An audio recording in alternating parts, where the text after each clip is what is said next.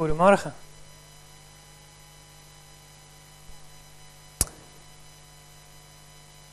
Goed gereedschap. Dat is het uh, thema voor deze morgen. Jullie kennen misschien de, het spreekwoord wel. Goed gereedschap is het halve werk. Toch? Wel bekend, hè? Even merken dat jullie er ook zijn. Goed gereedschap is het halve werk. En um, hebben jullie enig idee waarom sommige mensen nooit iets afmaken? Geen, geen uh, gewoon een open vraag. Waarom maken sommige mensen nooit iets af? Heb je daar wel eens bij nagedacht? Nou, goed gereedschap is het halve werk. En sommige mensen denken dat een goed begin de andere helft is. Dus dan zijn ze klaar. En sommige mensen hebben een hele hoop goed gereedschap en heel veel onafgeronde projecten. Maar dat is natuurlijk niet de bedoeling. Goed gereedschap is het halve werk. Maar ik wil die uh, uitspraak een beetje aanpassen. En ik, ik doe dat naar het voorbeeld van de Heer Jezus. Want in uh, Matthäus 5, daar doet Jezus uh, ook een beetje hetzelfde. Hij neemt een hele hoop bekende uitspraken en hij verandert ze. En dan zegt hij, u hebt gehoord. Jullie kennen die uitspraken wel, toch? Van de Heer Jezus. Anders is het tijd dat je Matthäus 5 nog eens een keer uh, erop naleest. Maar hij zegt daar, u hebt gehoord. En dan zegt hij, maar ik zeg u. En uh, als Jezus dat doet, verwijst hij met name naar dingen die al in het Oude Testament staan. Maar mensen hebben het verkeerd begrepen. En door het weer, weer te veranderen, brengt Jezus het terug tot de essentie hoe het eigenlijk al bedoeld was. En misschien probeer ik wel een beetje hetzelfde. Dus ik heb een, een eigen spreuk gemaakt voor jullie. U hebt gehoord, goed gereedschap is het halve werk. Maar ik zeg u, alleen goed werk met goed gereedschap. Alleen goed werk met goed gereedschap. En uh, dan gaan we het eerst even over andere dingen hebben, maar daar wil ik straks weer uitkomen. Alleen goed werk met goed gereedschap. Zonder goed gereedschap is het niet mogelijk om goed werk te leveren. En uh, voor de duidelijkheid nog even over het woordje goed, want het kan heel verschillend opgevat worden. Bij goed heb ik het niet over kwaliteit. Ik heb het niet over kwaliteit van goed werk. Ik heb het over goed werk in tegenstelling tot slecht werk. Dus goed en slecht tegenover elkaar. En goed werk is alleen mogelijk met goed gereedschap. Net tijdens het zingen moest ik even denken aan, aan hoe God het eigenlijk heeft gedaan. We zongen over het kruis. En God gebruikte het kruis om de weg naar Hem toe voor ons weer vrij te maken. Over gereedschap gesproken. God gebruikte het kruis om een geweldig groot wonder te doen. Voor, voor ons als mensen was de toegang tot God was onmogelijk, of misschien in ieder geval bijzonder moeilijk. En door de dood van Jezus Christus is die weg weer vrij. Kunnen wij weer bij God komen. God gebruikte gereedschap. En ik bedoel niet het kruis. Ik bedoel niet dat het kruis gereedschap was. Het kruis was gewoon een middel. Dat was het verschil tussen middel en gereedschap. Dat laat ik aan jullie over. Maar wat was dan wel het gereedschap? Het gereedschap dat God gebruikte om de weg voor ons tot Hem weer vrij te maken, was nederigheid en liefde. Dat waren, en je kan er vast nog een paar andere bij bedenken, maar dat waren de gereedschappen die God gebruikte om de weg tot Hem weer vrij te maken. Nederigheid, Hij liet zijn eigen zoon sterven. Liefde, we kennen de teksten waar staat waarom God deed wat hij deed. Want al zo lief heeft God de wereld gehad. Daarom deed hij het. Uit liefde. Dat zijn de wapenen. Dat, zijn, dat is het goede gereedschap dat God gebruikte. Ik wil met jullie lezen, met jullie lezen uit 2 Korinthe 10. 2 Korinthe 10 vanaf vers 3. En... Uh, dat is misschien wel een hele bekende tekst. Ik ken, uh, ik ken de tekst in het, uh, vers 4 ken ik in het Engels uit mijn hoofd, omdat ik vroeger een liedje luisterde waar die tekst in gebruikt werd. Dus daarom, daarom spreekt die tekst misschien extra voor mij. Maar ik denk dat jullie de tekst ook wel goed kennen. Ik lees vanaf vers 3 in 2 Korinthe 10. Als iedereen zover is. 2 Korinthe 10 vanaf vers 3. En Paulus die zegt daar, want al wandelen wij in het vlees, wij voeren geen strijd naar het vlees. Nou moet toch even, jullie hebben de Bijbel uh, voor je, een aantal van jullie, in vers 2, daar kun je lezen dat Paulus zegt, sommige mensen beweren van ons dat wij in het vlees wandelen. Dat is op zich wel belangrijk om er even bij te vertellen, want als je in vers 3 begint, dan zeg je, want al wandelen wij naar het vlees. Dus, met andere woorden, Paulus zegt, we mogen naar het vlees wandelen. Toch? Zo kun je dat interpreteren. Maar dat is niet wat er staat. Paulus zegt, er zijn mensen die beweren dat wij naar het vlees wandelen.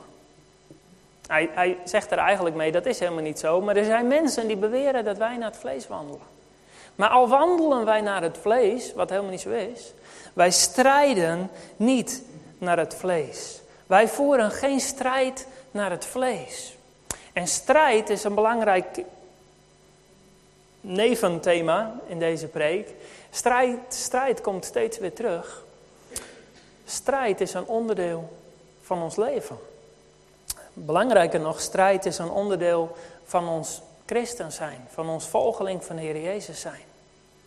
En al wandelen wij naar het vlees, daarmee zegt Paulus niet dat hij naar het vlees wandelt en ook zeker niet dat wij dat zouden moeten doen. Maar hij zegt al wandelen wij naar het vlees, wij voeren geen strijd naar het vlees. Wij strijden niet met vleeselijke wapens, dat zegt hij daarachteraan. De wapens van onze strijd zijn immers niet vleeselijk, maar krachtig door God tot afbraak van bolwerken. Ik lees de twee teksten erachteraan ook nog maar even om een beetje meer een indruk te geven waar deze tekst ook over gaat.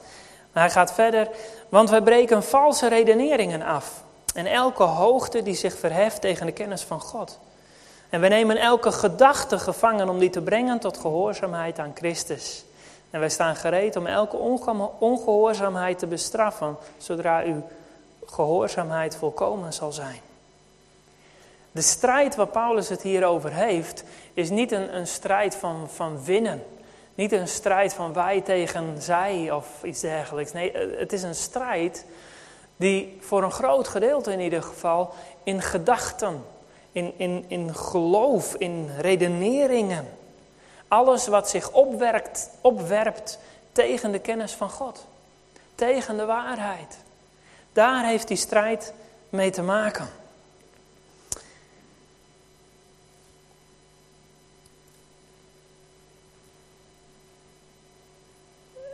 Een van de belangrijkste dingen die ik eh, vanmorgen met jullie eh, wil delen, heeft te maken met het woordje wapens. Het Griekse woord wat daar gebruikt wordt is uh, hopla. Niet zo'n moeilijk Grieks woord, toch? Hopla. En ik, ik, dacht even aan een reclame van vroeger, van wc-papier. Maar dat bleek popla te zijn. Vond ik, vond ik wel jammer, net die ene letter. Want het zou ontzettend goed passen namelijk. Popla, wc-papier. Ik weet niet of jullie hem nog kennen. Uh, wat was ook weer? Dinges, Keizer, Admiraal. Die, uh, die reclame van vroeger. De meeste zijn minstens net zo oud als ik hier, neem ik aan. Popla. Uh, hopla. Maakt niet uit. Het gaat er namelijk om dat hopla in het Grieks niet wapens betekent. Het wordt wel steeds met wapens vertaald, alle vijfde keren dat het in het Nieuwe Testament voorkomt. Maar het betekent letterlijk gereedschap. En het is niet zo raar dat ze het dan met wapens vertalen, want het is, iedere keer wordt het gebruikt in de context van strijd. En wij hebben voor strijdgereedschap hebben wij een speciaal uh, woord, wapens. Dus vandaar die vertaling dat het met wapens vertaald wordt. Maar voor, voor de context vind ik het belangrijk dat het eigenlijk gereedschap betekent. Het gereedschap van onze strijd. Het gereedschap van onze strijd is niet vleeselijk, zegt Paulus. Maar dan gaat het nog even over die popla. Ik, ik weet niet hoe jullie wc-papier opvatten, maar voor mij valt het binnen de definitie van gereedschap.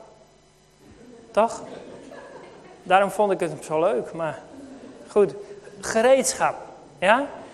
Als je aan de preek terugdenkt, denk, even, aan wc-papier, dan komt de rest vanzelf ook weer boven.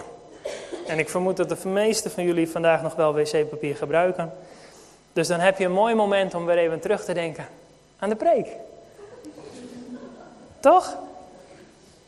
Sommige mensen hebben boekjes op de wc liggen. Maar je kan ook gewoon aan de preek terugdenken. Is ook goed. De wapens van onze strijd zijn immers niet vleeselijk, maar krachtig door God. Weet je, het probleem als je met wapens of gereedschap gaat werken, wat, wat nederigheid is en liefde en, en uh, barmhartigheid of waarheid, zachtmoedigheid, geduld. Als je met dat soort wapens gaat werken, dan um, ben je menselijk gesproken, ben je een beetje in het nadeel tegenover mensen die andere wapens gebruiken. Toch? Geweld en haat en, en gemene dingen. Dat soort wapens, daar kom je menselijk gesproken, kom je daar veel verder mee. Toch? De nederige, zachtmoedige mensen, die gaan iets minder hard naar voren dan de mensen die met hun ellebogen uh, werken. Ook gereedschap.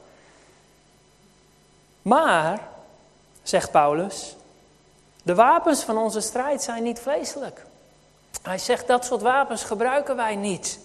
Maar onze wapens zijn krachtig door God. Onze wapens zijn zo krachtig dat God met wat liefde en wat nederigheid de weg tot God heeft kunnen vrijmaken. Met wat voor andere wapens was dat mogelijk geweest? God is in staat om dingen te doen met wapens die in deze wereld niet zoveel voorstellen. Met gereedschap waar de gemiddelde normale mens van denkt van wat moet ik daar nou weer mee? Maar als christenen zijn we geen normale mensen meer, toch? Of, nee hè? Het is in ieder geval iemand die het met me eens is. Goed zo, gelukkig. Nee hoor, maakt op zich niet uit. Maar um, even kijken. Maar ja, en, en bij die strijd, het is al niet helemaal in evenwicht omdat zij, als ik even zo mag spreken, eh, betere wapens hebben dan wij. Maar zij mogen wel vals spelen en wij niet. Wist je dat? God, God wil niet dat je vals speelt. Ook niet in de strijd. Zeker niet als je voor Hem strijdt. Dan wil God niet dat je vals speelt. En dat, dat voelt wel eens een beetje oneerlijk. Want we hebben een, een, een tegenstander die is gespecialiseerd in vals spelen. En dan lijkt het zo alsof wij in het nadeel zijn. Soms voelt het wel eens zo, toch? Dat wij in het nadeel zijn. En weet je wat je met dat gevoel moet doen? Gewoon zeggen, jammer dan. Het voelt alsof wij in het nadeel zijn. Maar Paulus zegt eraan, onze, onze wapens, ons gereedschap is krachtig door God. Het zit hem niet in de wapens zelf, maar het zit hem in God die daar kracht aan verleent. En als je dan in het voor- of in het nadeel wil zijn, kun je beter aan onze kant komen vechten. Want wij hebben de overwinnaar aan onze kant. Wij zijn meer dan overwinnaars. Over oneerlijke strijd gesproken. De strijd is misschien nog niet helemaal afgelopen, maar het is al volbracht. Het staat al vast wie wint. Dat is even de positieve uh, pitch om aan deze kant te komen. Zometeen komt er een andere pitch of reclamepraatje. Dat komt zo. Er zijn nog een aantal andere teksten waar hetzelfde Griekse woord hopla voorkomt. In Romeinen 6, vers 13, daar zegt Paulus: En stel uw leden niet langer als wapenen der ongerechtigheid ten dienste van de zonde. Wapenen der ongerechtigheid. Als jullie het niet erg vinden, vul ik even mijn eigen vertaling weer in. Gereedschap. En stel uw leden niet langer als gereedschap der ongerechtigheid ten dienste van de zonde. Maar stel u ten dienste van God als mensen die dood zijn geweest, maar thans leven. En stel uw leden als gereedschap der gerechtigheid ten dienste van God. Die strijd waar het over gaat is niet een strijd van winnen, is niet een strijd van, van veel hebben zoals we in de wereld gewend zijn om te strijden, wij tegen hen. Wij strijden eigenlijk überhaupt nergens tegen. Wij strijden voor. Wij strijden ervoor ten eerste om zelf het koninkrijk van God binnen te mogen gaan. Ten tweede, om ook anderen te helpen om het koninkrijk van God binnen te gaan. Dat is waar we voor strijden. Niet om te winnen of om wat dan ook. Winnen heeft Jezus toch al gedaan, dat kunnen wij niet eens meer. Wij strijden om in te gaan. Stel jezelf niet langer als een gereedschap voor de ongerechtigheid. Doe niet langer slechte dingen, waardoor God juist niet geprezen wordt. Maar stel jezelf als een instrument van de gerechtigheid, waardoor God geprezen wordt. Daarmee dien je God. Een paar hoofdstukken verder in Romeinen 13, vers 12, daar zegt Paulus: De nacht is ver gevorderd, de dag is dichtbij. Laten wij dan de werken der duisternis afleggen en aandoen de wapenen of het gereedschap van het licht. In de eerste tekst, in, in 10 vers 4 van 2 Korinthe, daar staat de wapenen van onze strijd. Dat komt nog heel strijd, dat, die tekst kan wel heel strijdlustig opgevat worden. Dat doen veel mensen ook. Geestelijke strijd, we moeten vechten en strijden tegen alles en nog wat. En dat kan soms best goed zijn. Als God je daartoe roept en de Heilige Geest leidt je daarin, laat je vooral niet tegenhouden. Maar het gaat veel meer om een andere strijd. Een strijd die in deze andere teksten duidelijk naar voren komt. Dat we, dat we onze leden stellen als gereedschap van de gerechtigheid. En dat we aandoen het gereedschap van het licht. Gereedschap kun je aandoen. Wij zijn net als Jezus. Jezus zei eerst, ik ben het licht van de wereld. Maar een paar hoofdstukken verder zegt hij, jullie zijn het licht van de wereld. En God wil graag dat wij zijn licht in deze wereld laten schijnen. Niet dat we dat kunnen, maar wij zijn een soort spiegels die het licht van God weer kaatsen naar andere mensen. Om op die manier mensen op God te wijzen.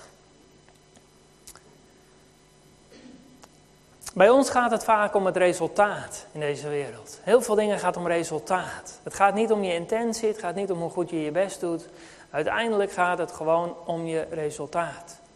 Wat je hebt gehaald op de toets, of wat je voor beoordeling hebt gekregen bij een project, of of het wel of niet gelukt is.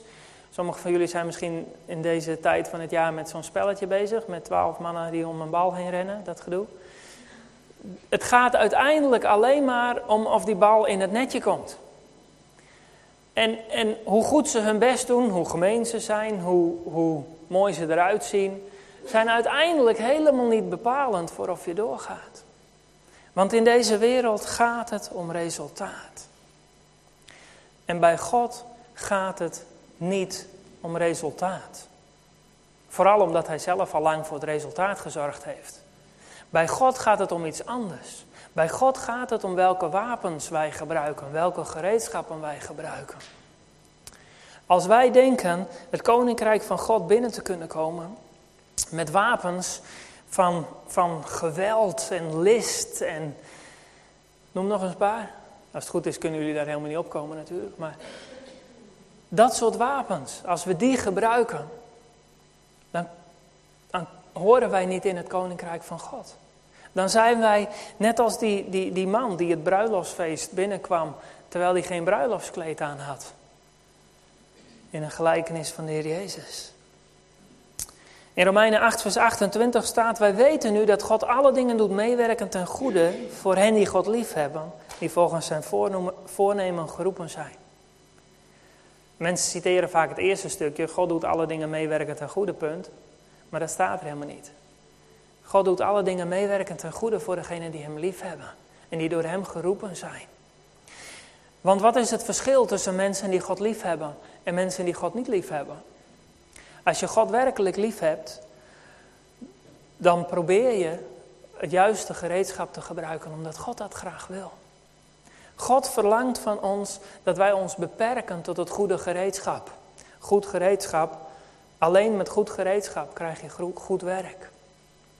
En God wil niet dat wij ander gereedschap gebruiken. God wil niet dat wij gereedschap gebruiken dat in strijd is met wie Hij is, met zijn karakter. En als we dat wel doen, dan strijden we onbewust misschien maar dan strijden we aan de verkeerde kant van de strijd. De kinderen van God horen herkenbaar te zijn aan de wapenen van het licht, de wapenen van de gerechtigheid, het goede gereedschap. Daar horen kinderen van God aan herkend te worden. Nou is herkenning totaal iets anders dan verdiensten. Ik zeg, we horen herkend te worden aan het goede gereedschap. Je kan niet een kind van God worden door goed gereedschap te gebruiken. Je kan nog zo goed je best doen en het goede, goede gereedschap gebruiken. Maar zo word je niet een kind van God. Je wordt een kind van God door genade. Door wat Jezus voor ons volbracht heeft. Maar als wij dan kinderen van God worden, is het de bedoeling dat we het goede gereedschap gebruiken. Het herkennen van kinderen van God is soms wel eens lastig, toch? Eigenlijk moet je je daar ook helemaal niet al te veel mee bezighouden. Maar als je het toch af en toe probeert, kan het heel lastig zijn om te herkennen wie is nou een kind van God en wie niet. Het is niet voor niks dat de schepping erop wacht dat geopenbaard wordt wie de zonen van God worden, zijn. Maar het is lastig om dat te herkennen en er zijn een paar redenen voor. Ten eerste hebben wij een tegenstander die vals speelt, zoals ik al zei. En die tegenstander die doet zich voor als een engel des lichts. Die tegenstander die doet alsof hij goede wapens gebruikt. Hij, dat doet hij echt niet in het echt, maar hij doet wel alsof. En het lijkt soms ontzettend echt. En daarmee kun je dus vrij makkelijk iets slechts de vergissing maken door te denken dat het goed is. En andersom komt ook voor, want kinderen van God horen wel herkenbaar te zijn aan goede wapens. Maar de praktijk is iets lastiger. In de praktijk laten wij als kinderen van God ons er nog wel eens inluizen. Geven wij nog wel eens toe aan de verleiding om toch wapens te gebruiken waarvan God eigenlijk heeft gezegd, die zijn niet voor jullie. Het is niet de bedoeling dat jullie die wapens gebruiken. Maar wij luisteren niet altijd zo heel erg goed. En als je je daarin niet aangesproken voelt, dan denk ik dat ik wel kan zeggen dat je je toch aangesproken zou moeten voelen. Want dat geldt voor ons allemaal. Wij zijn niet volmaakt. Wij zijn geroepen tot volmaaktheid. En in Christus hebben wij van God het stempel volmaakt gekregen.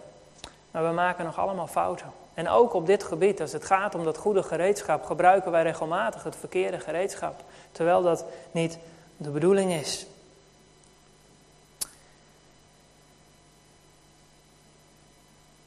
Ik wil nog een stuk met jullie lezen uit 2 Korinthe 6.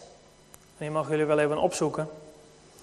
Want het is uh, goed om er even bij te hebben. Want het is nogal een lange lijst namelijk wat daar staat. En uh, voordat we die lijst gaan lezen, wil ik jullie een vraag stellen. Wie van jullie wil graag een dienaar van God zijn? Niet snel antwoorden, niet snel antwoorden. Ik, ik moet er namelijk nog even iets bij zeggen. Het is een strikvraag. Nou, zijn strikvragen horen eigenlijk aan de verkeerde kant van het gereedschap, denk ik. Misschien. Maar daarom zeg ik het er van tevoren bij. Dan, dan mag het wel, toch? Nou, van mijn vrouw mag het. Dus uh, dat is heel belangrijk. Het, het is een strikvraag. Ja, hier komt hij. Wie van jullie wil graag een dienaar van God zijn? Voor de, niemand ineens. Wow. Hallo zeg. Ik, ik had verwacht dat sommigen misschien iets meer gaan twijfelen, maar probeer deze vraag in gedachten te houden. Wil ik een dienaar van God zijn? Want we gaan namelijk een lijst lezen die Paulus opnoemt als kenmerken van een dienaar van God. Misschien dat een enkeling al vooruit aan het lezen was en dacht van wow, ja, nou steek ik mijn vinger niet meer op. Dat kan. 2 Korinthe 6 vanaf vers 3. Wij geven in geen enkel opzicht aanstoot opdat onze bediening niet gesmaad worden. Maar wij doen onszelf in alles kennen als dienaren Gods. Dubbele punt staat er bij mij. Nu komt een lijst met kenmerken van dienaren Gods. In veel dulden. Moeilijk woord betekent dat je veel moet verdragen. In verdrukkingen. In noden. In benauwdheden Paulus zegt in al deze dingen laten wij zien dat wij dienaren van God zijn. in slagen, in gevangenschappen, in oproeren, in moeiten, in nachten zonder slaap, in dagen zonder eten. Heftig. Wat een lijst. Dus als je wil weten wie een dienaar van God is, kun je dit even ernaast houden en van, nou, die heeft nog wel wat te gaan. Sowieso hier in Nederland komen wij uh, niet zo makkelijk dicht in de buurt van wat hier allemaal staat natuurlijk. Hij gaat nog verder. Iemand nog steeds graag dienaar van God uh, wil worden trouwens? Toch, ja, amen. Het zijn er niet heel veel, maar we gaan wel door, hè? Desnoods met een heel, een heel klein groepje. Maar we gaan door. In reinheid, in kennis, in langmoedigheid, in rechtschapenheid, in de Heilige Geest, in ongeveinsde liefde, in de prediking van de waarheid, in de kracht Gods. Met de wapenen der gerechtigheid in de rechterhand en in de linkerhand. Onder eer en smaad, in kwaad gerucht en goed gerucht. Als verleiders en toch betrouwbaar. Als niet bekend en toch wel bekend. Als stervend en zie wij leven. Als getuchtigd, maar niet ten dode. Als bedroefd, maar altijd blij. Als arm, maar velen rijkmakend. Als niets hebbend en toch alles bezittend. Als je nog iets nodig had om over na te denken deze week, hier staat genoeg in, denk ik, om een poosje mee bezig te zijn. Kenmerken van een dienaar van God. Wat een lijst. En voor vandaag is er eigenlijk maar één dingetje wat ik daar even uit wil pikken. En dat is met de wapenen, of het gereedschap, van de gerechtigheid in de rechterhand en in de linkerhand. En als je een beetje een oplettende Bijbellezer bent, dan krijg je misschien dezelfde vraag die ik ook had. Waarom zegt hij er nou specifiek bij? Waarom zegt hij niet gewoon met de wapenen der gerechtigheid? Punt.